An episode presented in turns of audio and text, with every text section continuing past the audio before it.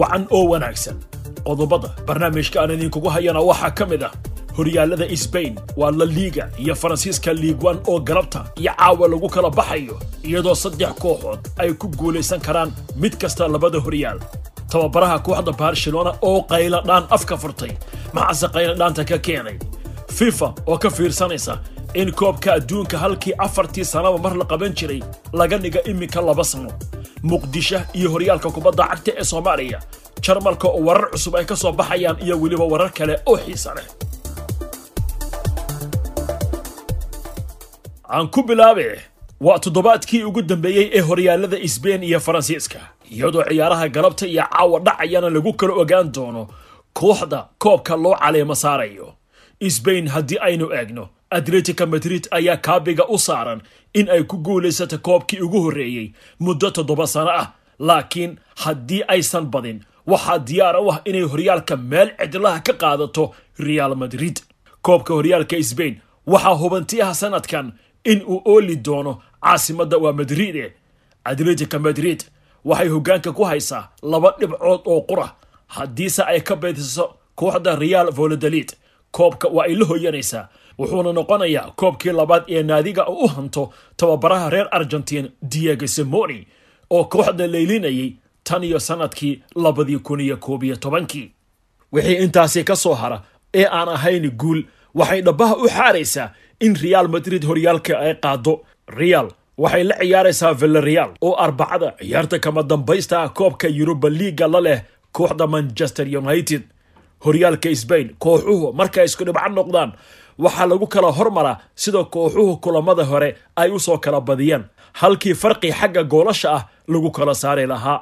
Real madrid haddii ay isku dhibco noqdaan atletico iyada ayaa koobka qaadaysa maadaama labadii kulan ee horey loo soo ciyaaray labadii kun iyo labaatan labadii kun iyo labaatan iyo kow ay afar dhibcood qaadatay real.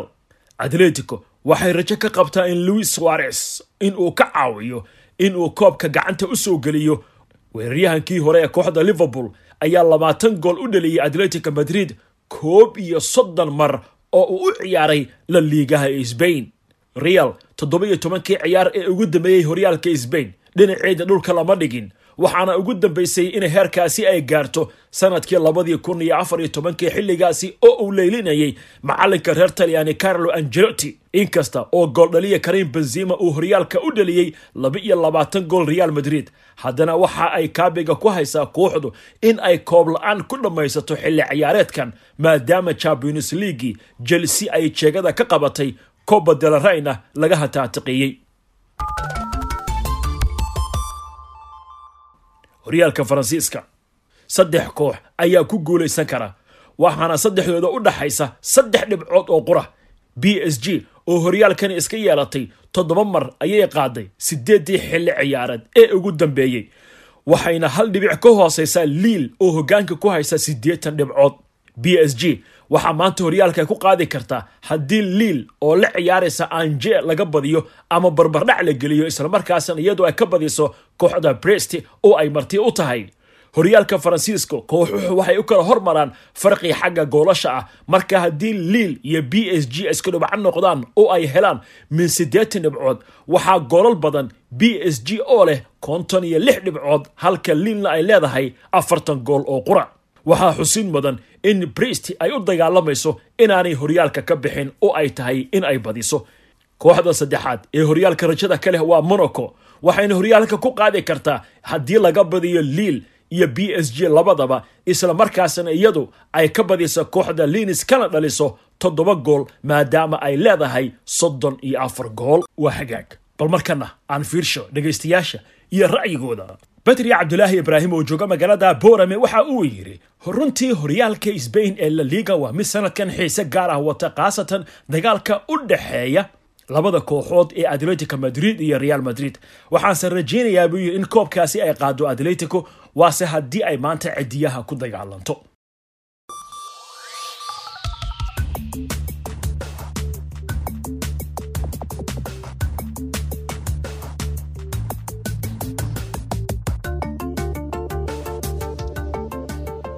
waa hagaag. Wararka ciyaaraha kooxaha waan u soo laaban doonaa bal aan eegno. Xiriirka kubadda cagta adduunka ee fifa ayaa shaaca ka qaaday in ay iminka ka fakarayaan in koobka adduunka ee ragga iyo dumarka oo markii hore la qaban jiray afartii sannaba mar hadda laga dhigo labadii sannaba mar. Fartuun ismaaciil ayaa warbixinta arrintan qooraansanaysa qorshahan ayaa waxaa soo jeediyey xiriirka ciyaaraha kubadda cagta sacuudiga ee magaciisa loo soo gaabiyo saaf waxaana la sheegay inuu taageero ka helay shirkii sannadlaha ahaa ee fiifa cilmi baaris arrintan la xidhiirta oo ayaa fiifa samaynayso ayaa waxaa ka mid ah in la darso habka loogu soo baxo tartamadan. Madaxweynaha xiriirka ciyaaraha sacuudiga yaasir al misahel oo arrintan ka hadlayay ayaa sheegay in ay rumaysan yihiin in mustaqbalka ciyaaraha uu iminka taagan yahay meel xasaasi ah madaxweynaha fifa giani infantino ayaa ku tilmaamay tallaabadan soo jeedin qayaxan oo faahfaahsan. Waxaana qorshahan sacuudiga u codeeyey xiriirada daleed halka ay ka soo horjeesteen xiriir. Tartanka koobka adduunka ragga ayaa la qabanayay afartii sannaba mar taniyo markii la aasaasay sannadkii kii waxaase aanu dhicin sannadkii iyo taasi oo ay sabab u ahayd dagaalkii labaad ee adduunka. Kan haweenka ayaa isna dhacayay afartii sannaba mar tan iyo markii la bilaabay in laga dhigo laba sana mar ciyaaraha koobka adduunka ayaa si weyn waxa ay u saamayn doontaa koobka qaramada yurub oo isna afartii sannaba mar la ciyaaro. Waa hagaag iminkana sbain tababaraha kooxda barcelona ronald kuman ayaa sheegay inuu kala kulmay xushmad darro maamulka sare ee naadiga iyo warbaahinta maadaama ay sii socoto hubanti la'aanta ku gadaaman mustaqbalkiisa maamulinimo.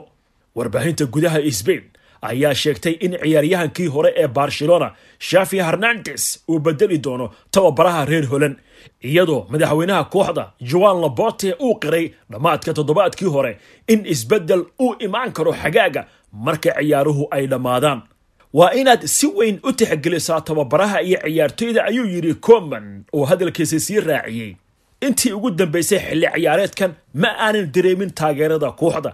Arrimahanna waxaa soo shaac bixiyey warbaahinta xaqna uma leh buu yidhi in ay sidaasi u dhaqmaan. Arrimuhu waxay noqon lahaayeen kuwa sidaasi ka bedelan ayuu yidhi. Ronald kuman oo hadalkiisa sii wata ayaa yidhi waan ogahay halkan cadaadis badan inuu ka jiro waana mid aan aqbalay laakiin marar badan waxay ila tahay in waddankan warbaahintu ay si hoose ugu talax tageen mustaqbalka tababaraha taasi oo ila muuqatuu yidhi inay tahay ixtiraam darro. Kuman ayaa bedelay tababarihii hore ee kooxda barcelona kiki setian bishii agost kii isagoo saxiixay heshiis laba sano ah kadib markii uu iska casilay tababarinimada xulka qaranka dalka holland kuman ayaa barcelona u qaaday koobka coba de la ray bishii abriil laakiin ciyaarihii toddobaadkii hore ee horyaalka sbain waxay ku dhaceen kaalinta saddexaad iyagoo ka dambeeya kooxaha ay sida xun u loolamaan ee real madrid iyo atletica madrid taasi oo ka macno ah in barcelona markii ugu horreysay tan iyo labadii kun toddobadii labadii kun iyo sideeddii aanay ka mid noqon kooxaha ugu sarreeya dhammaadka horyaalka sbain ee la liigaha barcelona ayaa waxaa wareegga lix iyo tobanka koobka horyaalada yurub ka badisay kana saartay tartanka kooxda b s g. Waxaana weli sii socota hubinti la'aanta kale ee ku aadan mustaqbalka ciyaaryahan leonela messi kaasi oo heshiiska uu kula joogo kooxda uu ku egyahay xagaagan. Waxaana weli ka caaltaaglaynayaa inuu heshiis cusub uu saxiixo qaar ka mid a khubarada ciyaaraha ka faallootay ee reer sbain ayaa farta ku fiiqay in guddiga sare ee maamulka barcelona ay ku kala qaybsan yihiin in tababaraha la bedelo xilli ciyaareedkan iyo in kale iyadoo go'aan la'aantun ay saameyn ku yeelatay kooxda. Dhegaystayaasha iyo ra'yigooda faarax maxamed caydiid oo jooga magaalada hargeysa wuxuu yidhi waxaan ahay buu yidhi taageero u guul wadeeya kooxda barcelona. Tababare ronald kuman runtii waa uu ku fashilmay hogaaminta baarsha baarsho oo waayo waaye ahayd kooxda ugu tunka weyn la liiga iyo guud ahaanba qaaradda yurub.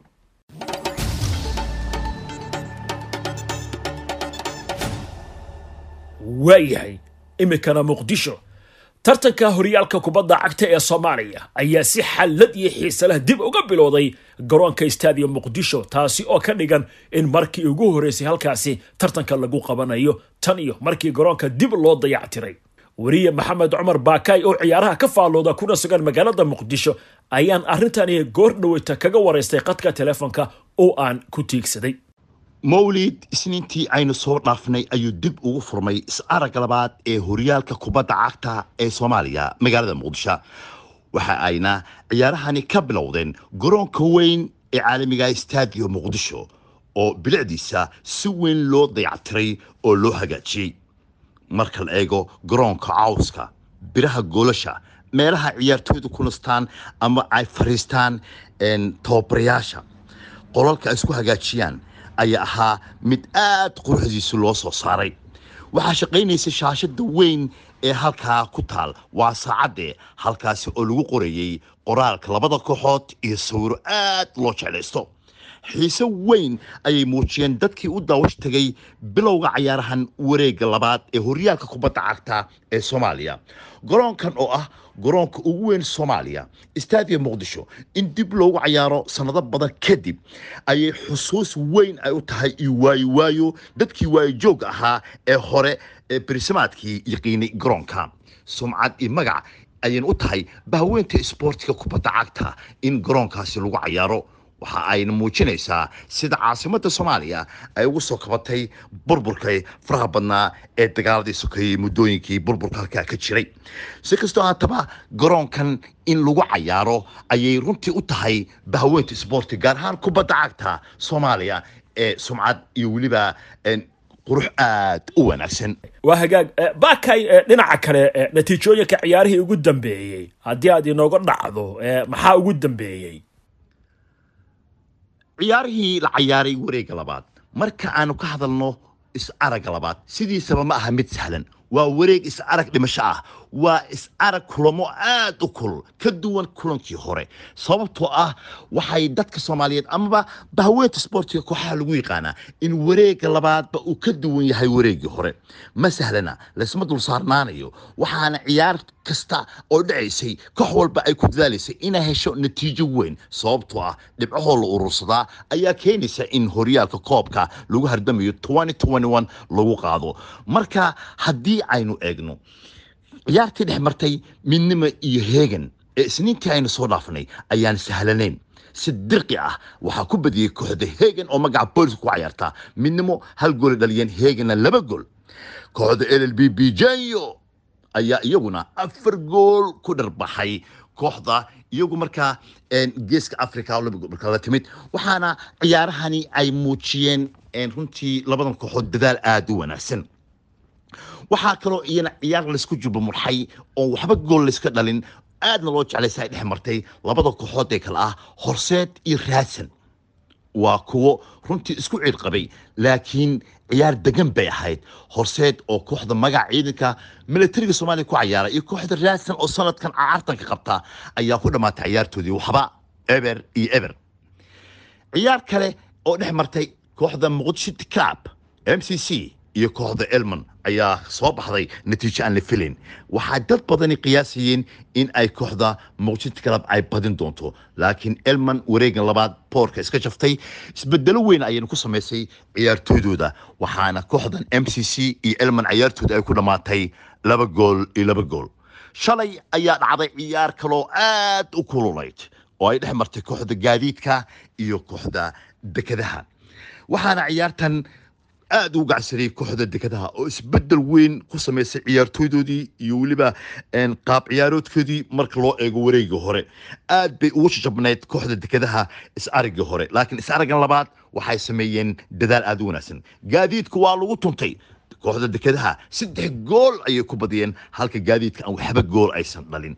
Marka waxaa muuqanaya is-aragga labaad ee horyaalka soomaaliya mid adag oo aad u xiiso badan koox walbana ay ku dadaalayso inay hesho natiijada guusha. Laakiin waxaa loo fadhiyaa sanadkan horyaalka soomaaliya gabagabadiisa wareegga labaad ayaana biyo i budo kala bixi doonaa. Aad iyo aad baad u mahadsan tahay weliye maxamed cumar baakay ayuu kaasi ahaa. Waa hagaag bal markana aan fiirsho dhegaystayaasha iyo ra'yigooda falastiin khaliif yuusuf waxay joogtaa magaalada muqdisho. Waxay tiri horyaalada faransiiska iyo sbain ee la soo gabagabeynayo waa kuwo aad u xiiso badan waxaana guusha u rajaynayaa bay tiri kooxaha real madrid iyo b s g. Dhinaca kale horyaalka soomaaliya ee dib uga bilowday muqdishona hoggaankan ay ku hayso kooxda m c c waan soo dhoweynayaabay tiri waxaase anigu taageero kaliya laaba u hay kooxda raadsan oo aan rabo in ay soo qabato m c c ayna hoggaanka u qabato somaali premier league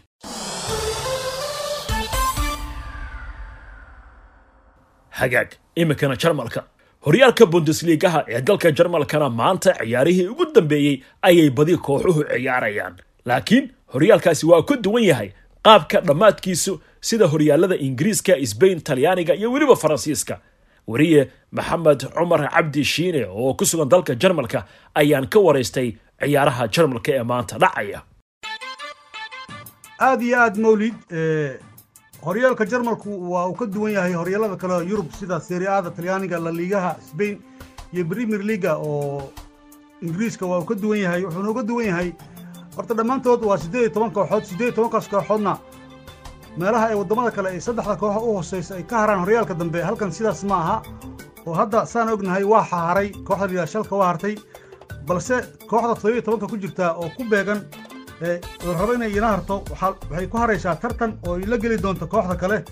Taasoo ah waxaa wada ciyaari doona f c colan iyo verta breman waxay noqonaysaa inay tartan galaan. Sidoo kale waxaa jarmalku leeyihiin oo cajiib ah afarta hadda kooxood u sarraysa way caddaatay oo waa bayer motion iyo arbi leipzig iyo borussia dortmund iyo wolsburg waaye. Balse kaalinta shanaad oo looga qayb galo eurubian leaga ayaa waxaa ku qasban inay ciyaaraan labada kooxood oo kale ah antag frankfort iyo bayer liverkusen inay ciyaar yeeshaan. Marka inta ugu dhammaaday mooyaane tartanka waxaa qasab ah in tartan kale dib loo galo oo kooxda si ay u dhammaato loona helo kooxdii ka baxaysay iyo kooxda ka qayb geli doonta eurubian leaga waa in dib loo ciyaaro. Sidaa daraaddeed waxay ciyaarahaasi dhici doonaan arbacada iyo sabtida soo socota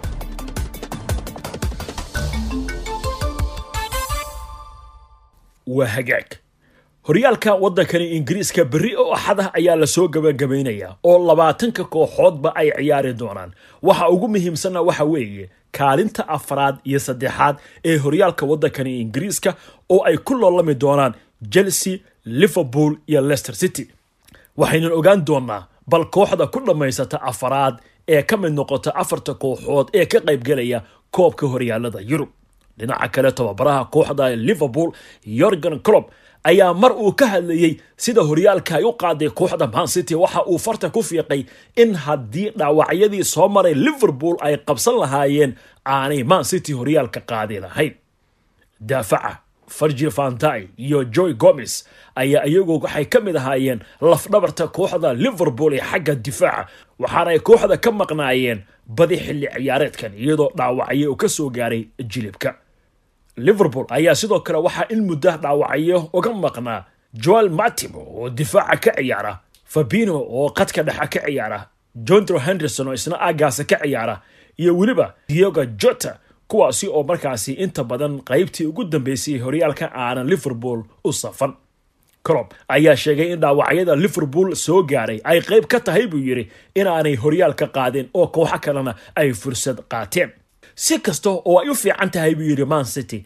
Haddii ciyaartooydooda qadka difaaca dambe saddex ka mid a ay maqnaan lahaayeen wuxuu yidhi horyaalka kuma guulaysteen. Xitaa man united haddii ay sidaasoo kale ku dhici lahayd buu yidhi sidaasi ma noqoteen inkasta oo liverpool dhammaadka sannadkii hore ay horyaalka kaalinta koowaad ku jirtay haddana arrintaa horyaalka ay uga soo dhaceen qaybaha lagu hogaamiyo waxa uu yorgan colob ku sifeeyey uguna qiildayay kooxdiisa inay tahay dhaawacyada la soo gudboonaaday. Liverpool ayaa xadda la ciyaaraysa kooxda crystal palace waxaana markaasi hubanti ah haddii ay badiso in ay ku dhammaysanayso kaalimaha looga qayb galo horyaalka champions leaga yorgan colob ayaa aada u ammaanay ciyaartooydiisa oo uu ku tilmaamay in niyadooda ay ahayd mid weyn islamarkaasna aanay qalbi jibin buu yidhi islamarkaasna kooxda u dagaalamay. Inkastoo ay nala kulanay buu yidhi xaalad adag. Haddana wuxuu yidhi wiilashaydu si adag ayay u dagaalameen waxayna muujiyeen buu yidhi deganaan iyo inay dagaalamaan una dagaalamaan buu yidhi ficil gaar ah oo ay liverpool fanaanadeeda ku difaacayaan intaasi ayaan ku soo gebagabaynayaa barnaamijkii faaqiidaadda ciyaaraha. Waa mawlid xaaji oo idinku dhaafaya nabadiino